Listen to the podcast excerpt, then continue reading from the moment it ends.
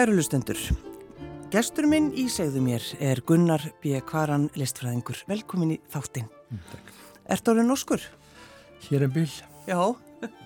nei, nei, nei, nei, ég er ennþá íslendingur og uh, en uh, búin að búa í Nóri í 25 ár þannig að það er farin að hafa sína áhrif. Já, já. Ertu farin að sko, þú, þú syngur svolítið? Er það virkilegt? Já, smá, það er svona örlítið, það er örlítið. En eh, af hverju fórstu til Noregs? Eh, ég fekk tilbúðum starf, eh, ég fekk bóðum að vera fórstuðum að fyrir listasafnið í Bergen, mm. sem er mjög fínt safn á vestustrand Noregs, sem er með safnaegg frá 13. öld og fram í, í samtíman. Mm. Og uh, og, og það var mjög uh, áhugavert að, að taka við því safnu og mikil, mikil uh, skemmtileg reynsla. Já. En þegar maður tekur við svona safni, sko, ræðum maður öllu? Fórstuðumenni ráða tilturlega miklu og, uh, og það er náttúrulega ætlast því þess að uh, fórstuðumenni leiði uh, ný innkaup Já. og seti síðan upp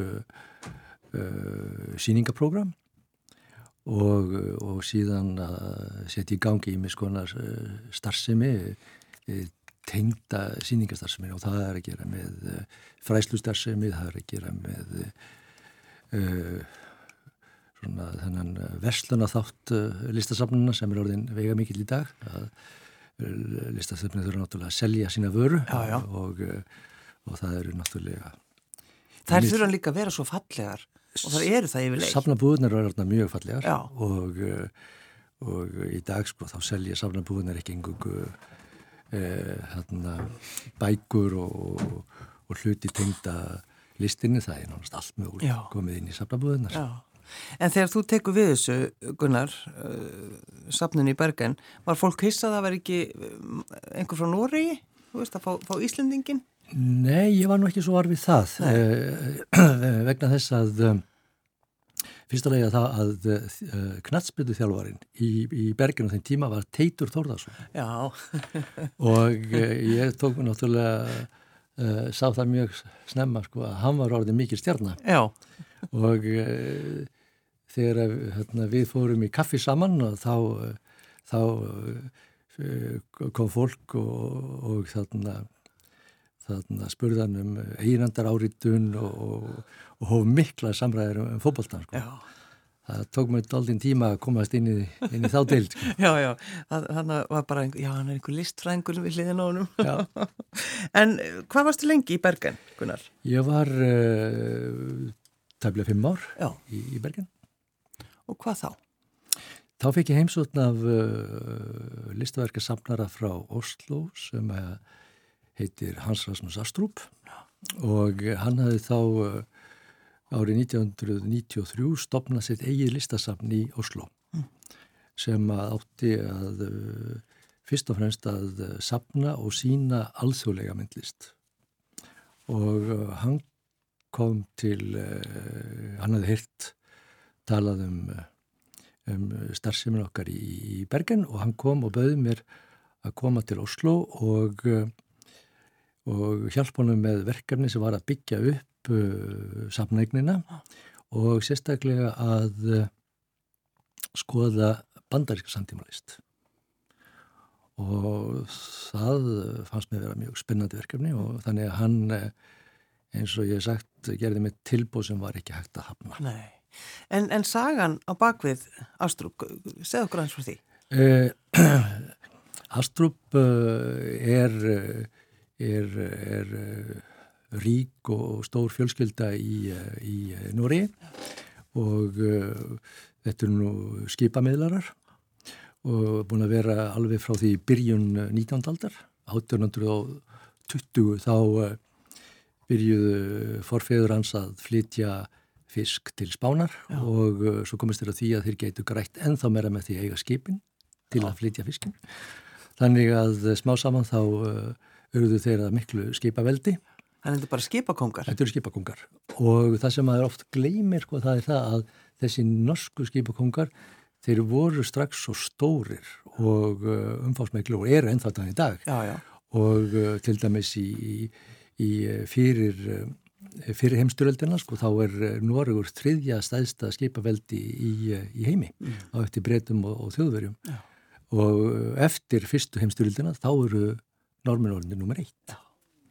Þannig að þarna náttúrulega sapnaðist mikill auður og uh, uh, þessar fjölskyldur sem heldur mjög uh, vel saman til dæmis þá eru held ég báðir langa var Hans Rasmus Astrup skip, skipakongar sko, með sitt hvort fyrirtækið og þeir áttu það líka saminleikt að þeir voru listverkarsafnar og langjafans Stang sem er sagt móður langjafans Uh, hann uh, þekktur sem einn stæðsti sapnar í byrjun uh, 20. aldarinnar og, og nei, hann er af, hann er afi, hann er sálsumins fyrir ekki og hann kifti Gauguin, Cézanne Renoir, alla þessa stóru impressionista og fleiri í byrjun eða um 1915-20 En sko að, að ríki norskir skipakongur hafa haft áhuga á, á myndlist, það er náttúrulega svolítið, það er svolítið gott fyrir, fyrir okkur já, já. í dag. Og, og ekki minst fyrir, sko, fyrir norsku söfnin til dæmis. Já, já. Þannig að hvar eru þessar, þessi, öll, öll, allar þessi, öll þessi myndlist í dag? Hvar eru verkin? Verkin eru svona kannski hlauta til hjá fjölskyldunni. Já og uh, náttúrulega þetta er náttúrulega fjölskyldi sem er orðin, orðin stór og mikil fjölskylda og margar fjölskyldur en, en, en, en hlut af, af listaverkinni hefur, hefur, hefur tapast líka og verið selgt uh, erlendis vegna þess að í, í skipa bransanum sko þá gekk þetta upp og niður já, já. og uh, ég, ég held að það hefur verið mjög frækt mál á sínu tíma í, í Nóriði þegar að, þegar að um, stang skipafélagið fór aðeins á hlýðina og, og talsveit mikið á hlýðina að þá gatt hann eh, kift sig út úr þeim vandamálum með því að selja Gauguin sem er núna uh, í listasafninni Bógen hérna í, í Boston. Það er eitt, það er fræga, eitt frægasta verk eh, Bara Gauguin. Eitt, eitt, eitt, verk. eitt verk. Hvaða verk er það? Það er verkuna hvaðan komum við, hvað eru við og hvert fyrir við. Já. Það sem, er sem sagt... Sem eru frábæra spurningar. Já. Maður er alltaf að spyrja sig. Já, hvað ert að segja? Eitt verk? Bara þegar, þegar maður setur þetta í samhengi við sko skipafélag Já. sem er að fara á hliðina. Já. til að selja hérna eitt málverk. Þetta er náttúrulega ótrúlegt. Til að komast á réttan kjöl. Já, til að komast á réttan kjöl. En Astrup ferleisafnið Gunnar, þetta er náttúrulega bara þetta er, er þetta ekki mjög virt sapn? Í dag þá er þetta uh, virt sapn, jújú, í, í, í samtímalistinni og, og sem sagt uh, þegar að ég hóf störf þar Uh, árið 2000 Já. þá uh, sem sagt uh, var Hans Rasmus þegar farin að horfa til bandaríkjana og síðan þá höfum við unnið mjög markvist með að kaupa list eftir bandaríska samtíma list, samtíma listamenn og það er sem sagt listamenn sem koma fram á, á, á í lok 8. áratugurins og sem eru á nýjunda áratögnum og síðan e, tíunda áratögnum. Einhver svona nöfn sem maður þekkir eða hvað? Þessi svona kannski þekktustu sko sem að og er svona þeir eldstu í, í þessari deildsapsins, það eru listamenn eins og uh, Jeff Koons og uh, Robert Gober og Felix González Torres, Cindy Sherman já, já, já. og síðan er yngri listamæður hérna sem að sem er Matthew Barney sem, að, sem er mjög veiga mikill í sapninu mm og það sem við ákveðum í, í þessu sammengi var að við ætluðum ekki að sapna svona sögulegu yfirliti heldur við ætluðum að velja út á listamenn sem við töldum hafa ja, breytt listasögunni eða komum með svona afgerandi svona, frumleika inn í listasöguna Þannig að það og, eru bandari, bandarískir. Og, og nei, og jú, í, í bandaríkjónum og, og það er náttúrulega listamenn út um allt sem, já, já. Að, sem, að, sem hafa afreikað það en við vorum að einbita okkur að þessum bandarísku listamennum og að finna þá sem við töldum skipta máli í þessu sögulega samingi og síðan að sapna þeim í diftina. Það segja það að eignast fleiri en eitt verk. Mm. Þannig að í dag þá eigum við uh, 25 Jeff Koons og við eigum 25 uh, Cindy Sherman, við eigum um 20 Matthew Barney og svo framvegis og svo framvegis. Hvernig er svona, að því það er alltaf þegar við erum að tala um listina þá er alltaf menningapolítikin. Hvernig er, hefur, hefur það gengið hjá þér Gunnar að díla við það allt saman meðan þú varst stóðst þarna í brúni á, í Astrup ferðlisafninu? Það sem engasap þá náttúrulega stendur þarna uh,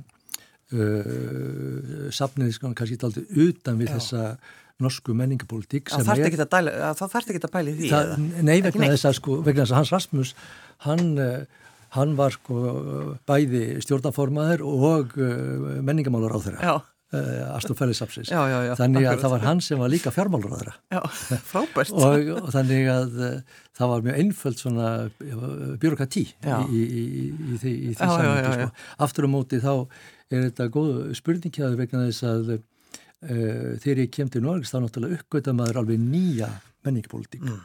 og, og þá sér maður að, að normenn voru búin að vinna mjög vel og, og hérna, þróa sko, einstaka menningapolítik. Við höfum alltaf að tala um franska menningapolítik á nýjunda áratögnum, Jacques Lang og svo frá þessi svona heimsreferáns. En uh, kannski það var minna þekkt hvernig að uh, normenn uh, fóru að. Og það sem er merkilegt að sjá það er að þeir hafa tekið deil svona í þremur stórum skrifum síðislegin svona 30 ár. Og fyrsta lagi það að þeir þarna einbeitt sér af því að að gera vel við listamennina sko listamennir er náttúrulega grunninn að grunnurinn að öllu þessu já, já og, og þeir byggu til kerfi þar sem að uh, flestatum listamennum, hvort sem það eru tónskáldi eða, eða, eða millistamenn mm. eða, eða reytuvendar, þeir fá starfslögn. Þeir eru bara á launum. Og, og það, það má segja sem svo að lænunast allir listamenn í Nóri eru meirað að minna á launum. Og síðan þá uh, ef þeir selja verk og þá bætist það ofan á á laun. Þetta er náttúrulega, mjög, þetta er náttúrulega svona grunnlaun sem já, já, já, og, og þá sá maður að, að, þeir, þeir sköpuðu svona sko, mikla velvild og, og það var svona mikið sínergi mm.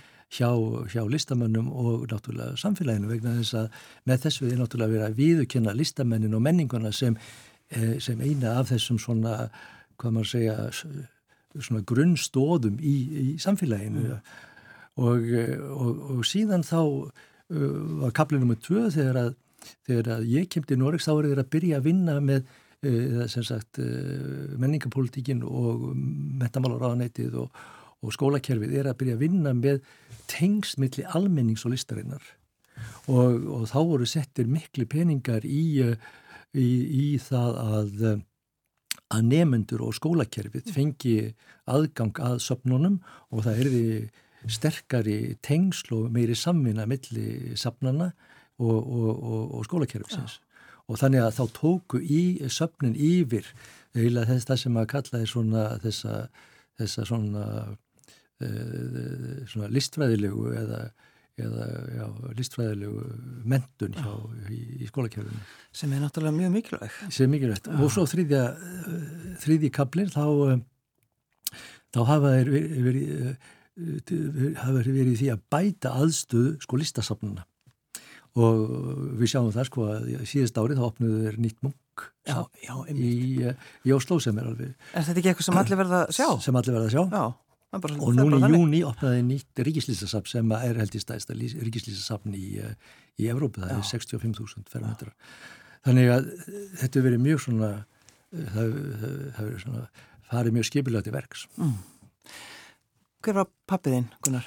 Pappið minn var eh, Karl Kvaran, myndlistamæður. Mm. Eh, hann er náttúrulega mjög þekktur í dag, en hvernig var sko þegar hann var að mála? Var hann sko var vinsæl? Já, hann var til dörlega eh, virtur uh, meðal uh, kollegana mm. og, og hann held síningar reglulega þannig að hann, hann, hann sást í, í, í fjölmiðlum og hann sást í en hann var samt, samt sem aður ekki kannski svona uh, svona þekktur sem, sem, sem, sem listamæður svona almennt Nei, nei. En uh, sko hvernig var, ef bara förum aðeins inn í vinnustofunas, hva, hvar var hún Gunnar? Sko, fæðið minn var líka hann var húsvörður í landsimhúsinu þannig við byggum þar á fymtu hæði í landsímhúsinu Já, og uh, þar var vinnustofans líka þannig að samtími sem hann var húsvörður þá málaði hann þannig að þetta var mjög Svo þetta, þetta var gott. svona daldið þægilega aðstæða fyrir, eh, fyrir, fyrir listamanni sko. Já. En, en varst þú sjálfur sko, sóttust þú í að, sitja og fylgjast með honum mála? Nei, nei, þetta var náttúrulega fór ekki fram hjá neinum Nei. að, hvað, hann var, hvað hann var að gera og, og, og við, við, hvað hann hóst þannig að, já, já, ég er náttúrulega við, við, við krakkarnir og öll sumur vorum hann náttúrulega inn og út af inn og út af vinnustofunni Já. Var hann afkasta mikill? hann var feikil afkastar Mm. og, og uh, bæði með, teknaði mikið, mikið uh, hann málaði mikið með gvasslitum og hann málaði mikið með vasslitum og síðan málaði hann uh, olíuverk uh, alveg frá, frá, frá, frá, frá 15 áratögnum og síðan kom hann hlýja á því en 15-18 ár og síðan kom olíjan aftur í 1973-74 Já. Þannig að, en hann, hann, hann er, er einn af þessum listamönnum sem að, sem að hefur, unnið gífilega markvist og, og unnið mikið og, og uh, það liggur eftir hann talsvirt, uh, talsvirtaverk. En er auðvelt að, að, að kaupa verk eftir hann?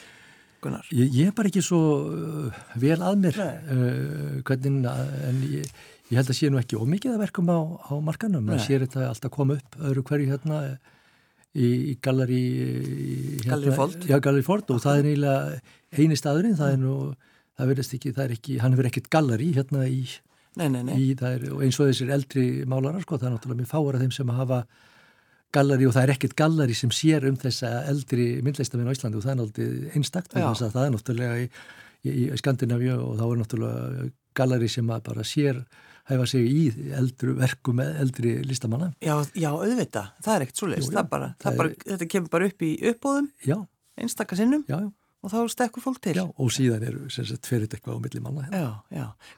Við hvað starfaði mamma þinn, Gunnar? Hún, eh, hún, hún var húsmóður og líka húsvörður. Hún var húsverður líka landsímahúsinu. Já, já, þau voru, það, hún þau voru saman í þessu verkefni. Já, hvað hétt hún? og ég heit Sigrún, Sigrún Ástvaldsdóttir. Eh, svo veikist hún. Já, já, hún, hún, eh, hún fikk krabba minn og, og, og uh, því miður þá, þá andaðist hún eða þó í, hún hefur verið þarna um ferdugt. Já, það er, ungt. Já. já. Hvað varstu gammal hana? Þarna ég verið svona 14 ára. Mm.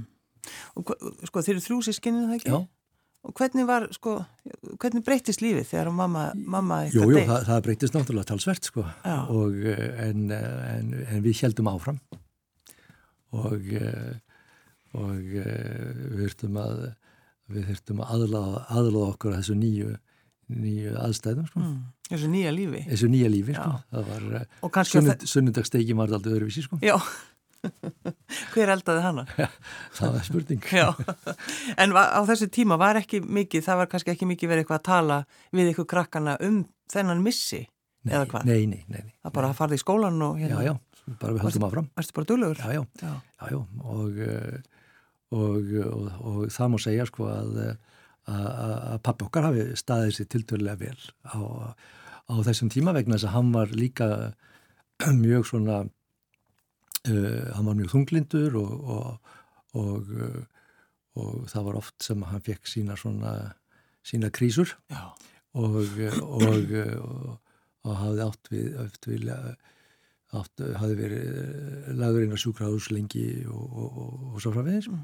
og þannig að hann þurfti náttúrulega að taka á sínum öllum sínum krafti til að komast í gegnum þetta líka með, með, með okkur. já, þannig, þannig í rauninni hann er veikur líka, sér sagt. Já, hann er, hann er náttúrulega hann er, hann er, hann er þunglindur sko og, og með svona kvíða Mm. og, og, og þetta kemur náttúrulega í bylgjum en síðan þarna gerist það þarna eiginlega um svona svipa leiti það kom eiginlega svona ný lif og, uh, og sem að gerðu honum mjög gott og Já. breyttu daldi svona hans uh, hans, uh, hvað segja Já, bara líðan. hans líðan og lífi sko. Já, og þá ykkar lífi að sjálfsögðu. allar saman Já. Já. En uh, var það þannig, Gunnar, að, að hann svona vinnustofan færðist svolítið til eftir að mammaðinn dó? Já, já, þá þarna náttúrulega smá sama þá umbreyttist e, þetta borgarlega heimili í e, fallega vinnustofu með listmálarans. Já, það var bara nefna kannski ykkar herbyggi. Já. já, og, veist, og fannst ykkur allt í lægi? Var einhvern veginn, þú veist, þegar þessi breyting á þessi stað? Já, já, við, já. við vorum náttúrulega hluti af þessu, þessu umhverfi og, og, og uh, við uh, tókum þessu náttúrulega allir með, með mér jafnaði að geða þetta þetta er mjög eðlilegt að vissu leiti sko. En uh, að því að hann fær réttu lifin loksins já. Já. þannig að það breyti mjög miklu en var þann veikur eftir það? Veist, já, já, hann var, hann, var, hann var alla tíð þá var hann uh, fekk hans þessi kvíðaköst og þessi mm. kvíðaköst uh, þá, þá laðist hann í, í, í, í rúmið í einhverjum tíma eins og þetta er náttúrulega þekktir sjúkdómar sko. og en, en hann komst uh, miklu leiti líka í gegnum þetta með því að vinna. Já þannig að hann vann alltaf Nei, hann, já, svo, hann náttúrulega þegar, þegar verst létt þá var, þá var hann uh, þá var hann ekki uh, starfshæfur nei, nei, nei. en, en uh, það var það sem að svona, svona gaf hann um auka styrk og, og energía var að uh, halda áfram með málurkið. Já. Þannig hann, eh, hann laði sér mikið fram við að komast að, að trónunum sko. mm. og þar uh, má segja að hafa oft sér stað svona ákveðin umskipti. Mm. Þetta er nú svona svolítið töff að fyrir ykkur að, að hafa upplifað þetta alls saman. Jú, jú, þegar maður lítið tilbaka þá er náttúrulega meðan maður er í þessu, þá náttúrulega kannski þá analýsir mann ekki svo mikið maður er kannski bara í því að komast í gegnum hlutina. En, en þegar maður lítið baka þá náttúrulega maður getur maður sagt að þetta að veri mjög uh, eh, óvinnlegt mm. uh, uppeldi þannig að en samt sem áðans þetta var svona uh, ákveðin gerð, ákveðin típa af, af uppeldi, þetta var svona bóhem líf, já, já. getur maður sagt. Já, og, og það er náttúrulega margir einstaklingar sem að sem að fara í gegnum mjög svona bóheimlíf. Jú, jú. En, en þú, ert, þú, ert þú þannig í dag, Gunnar Björkvaran? Er svona bóheimlíf í þér? Nei, ég, ég, ég er ekki með vinnustofu heima heima, sko. Nei, nei, nei. Ég er bara með bókasapn og útvarp og já, já. sjómarp. Og já, bara klassíst. Klassíst, sko. um, en það er líka, sko, þú ert hérna, Gunnar, líka til þess að segja okkur frá uh, erosýningunni sem verður listasafnir ekki okkur. Þú ert, semst, bara að á svona fleirum auðvitað, að sjá um það, er það ekki? Jó, sem sagt uh, við erum tvö, Daniel Kvaran sem er stafsmæður uh, við Listasabrækjavíkur og sem er erro sérfræðingurinn okkar í dag mm. við erum að setja upp yfirlýsningu á verkum erros í tillefni af því að listamæður verður 90 ára Já. á þessu ári En sko, þegar maður kemur inn á einhverju síningar og þá hugsa maður, já, þetta er rosafallegt þetta er nú ekkert mikið máli, hengi upp einhverjum okkar myndir en það er eitthvað aðeins meira, er það ekki? Jújú, jú, það er náttúrulega alveg rétt og, og, og, og hver síning er náttúrulega ákveðin frásögn Já. og það er eiginlega það sem að kannski svona skilgreinir í grunninn og það er frásögn sem að er fagufræðileg, hún er uh, tákræn, hún er sjónræn og hún er vitsmunaleg Já. og uh, í, í þessari síningu uh, sem við erum að setja upp núna þá höfum við valið að, að hafa hana í rauninni svona krónológiska og eh, tematíska.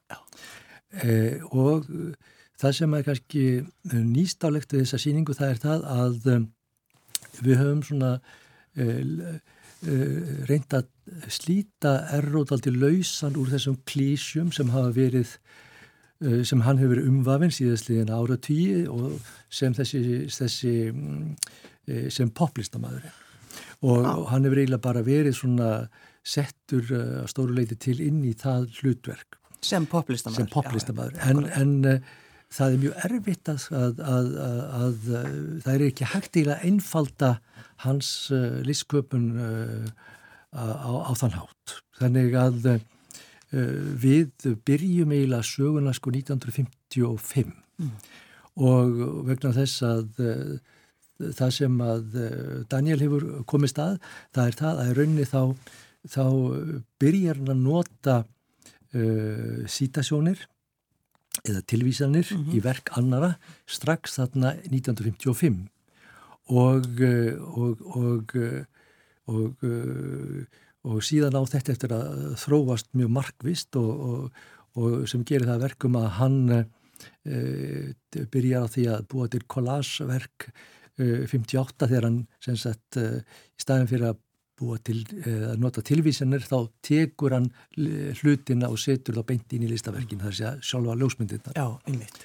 Og síðan 1959 þá er að farin að gera kollásverk sem í sjálfum sér var ekki neitt nýtt vegna þess að það höfðu dataistennir og surrealisti gert á þrið og fjóða árátugnum en það sem hann gerir nýtt og er nýstalegt það er það að hann byrjar að mála uh, eftirmyndir af þessum kólasum mm. og hann er uh, Já, staðin fyrir að klippa og það, sko, hann klippir fyrst Já. og límir og byrjar til kólas og síðan málar hann eftirmyndir Já. af þessum kólasum og hann er vantarlega sá fyrsti sem að býr til þennan prósess eða þetta, þetta ferli og þetta gerist alltaf áraunum 55, 57, 58, 59 og 60 og e, þar að leiðandi er hann e, kannski meira einslags einn af þessum frumkvölum poplistarina vegna þess að e, það eru breskir e, poplistamenn e, e, eins og Hamilton og Palocci sem er að, sem er að gera sambarlega kollás hluti á, á sjöttaratögnum mm -hmm og eh, sem að í dag eru viðkendir eh, svona frumkvælar að, að poplistinni en bandarækjumenni sem eru nú stóru kongarnir í þessum heimi eh, þeir koma í rauninni ekki fyrir í byrjun sjöndar átökur þannig að uh, við höfum svona og Daniel hefur náttúrulega sérstaklega verið upptekinni í því svona að, að, að leiðrætta þessa sögu og, og líka að hér áður fyrir þá, voru, fólk, þá var fólk mjög upptekinna því að Erro hafi farið mjög snemma til New York og kynst þar náttúrulega Warhol og Lichtenstein og öllum þessum mönnum sem hann gerði já, já. Og, og, og hann var hluti af þessu milju þarna en það er, gerðist rauninni síðar og það er ekki fyrir sko í loka ásinn 63 sem hann fyrir til, til New York og þá er að þegar farin, þá er að þegar búin að, að leggja grunn að sínu, sínu, sínu sköpunarverki sem að síðan á eftir að tengjast uh, meir og meir uh, þessari alþjóðlegu poplist og þar af bandarísku poplistinu líka. Já. Svo í þessari síningu þá, þá er sagt, þá er svona tvær frásagnir sem fara saman, annars vegar þessi svona formræna uh, frásög sem að svona sínir ykkur uh, hvers konar uh, frásagnar aðferðir hann býr til og það er náttúrulega þar sem hans stóri frumleiki liggur og síðan er náttúrulega annað í þessari síningu sem við viljum leikja svona virkilega mikla áslá og það er það að er og er mjög pólitísku listamæður og kannski að íslenskur almenningur og listunendur sko hafa kannski aldrei gert sér raunverulega grein fyrir hversu pólitískur hann hefur verið. Horfum við það einhvern veginn bara gegnum verkinans eða sjáum við þetta ekki? Við hefum kannski ekki við höfum kannski ekki verið svo upptikinn af þessum hluta hans listsköpuna vegna þess að hann á mjög sko, stóran og langan feril, mjög víðan feril, það er margar myndgerðir og það eru mismannandi tegundir af, af verkum en uh, þessi, þessi pólitíska uh, þessi pólitíski ásetningur Erlos er mjög fyrirferða mikil og hann er mjög brútal og hann er mjög sterkur og hann er mjög svona uh, segja, hann, hann vekur sko miklar eh, kendir og tilfinningar og, og náttúrulega vitsmjölulegar aðdóðsendur við það sem er að gerast og hefur að gerast í heiminum. Mm -hmm. Hann er svona eh, sá listamæður sem að er strax mjög uh, sterkur gagvart Vietnam stríðinu, Kóriði stríðinu, Alsir stríðinu.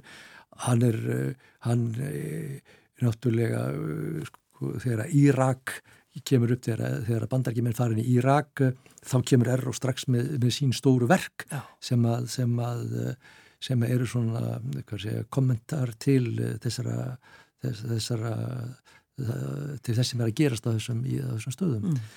og, og, og, og þessi pólitíski e, li, listamæður er líka pólitískur í varðandi sko, listina sem slíka vegna þess að hann hefur alltaf verið mjög upptíkin af því að listin ætti að vera almennisegn og bara allt frá, frá því hann er ungum aður þá uh, talar hún, talar hún um að listin eigi að vera í söpnum og listin eigi að vera aðgengileg fyrir almenning og svo fræðis og hann byrjar eiginlega strax í upphafi að búa til eftirmyndir af sínum eigin verkum. Hann býr til uh, postkort, hann býr til plakot með hann býr til grafíkverk mm -hmm. nánast strax í, á, á sjötta áratögnum sem gerir það verkum að, að verkinast frá svona uh, fá mikla dreifingu og uh, fá svona, hvað segja, svona svona second life Já. inni hjá, hjá almenningi sem að hafði ekki möguleika því kannski að kaupa eða, eða, eða, eða hýsa þessi stóru verk sem er að vanlega að skapa á þessum tíma. Já, já. Það er, það er náttúrulega rétt, já, það er svo margir sem eru heima með og, og, og hann merk, merkir alveg, já, já. þannig að þetta er mann líður vel bara þegar mann horfur á þetta já, já. já það er svolítið þannig þannig að, að errósýningin í listsafnur Reykjavík verður opnu núna um helgina Er þið búin að setja alla nagla upp og er Nei, þetta allt tilbúið? Sýningin er löngu tilbúin í höfðinu á okkur og já, í, í mótelinu. En, en við erum núna að sapna sama verkonum og hengja þau upp í salina. Þetta er gífilega stór sýning, þetta, þetta er um 350 listaverk og uh, þetta er, sagt, uh, þetta er Saga Erros en síðan er þetta líka kvikmyndunar hans sem að við sínum í, í portinu mm. í Hafnarhúsinu þannig að það verður mikil veysla. Gunnar Björk Varan, listfræðingur, takk fyrir að koma.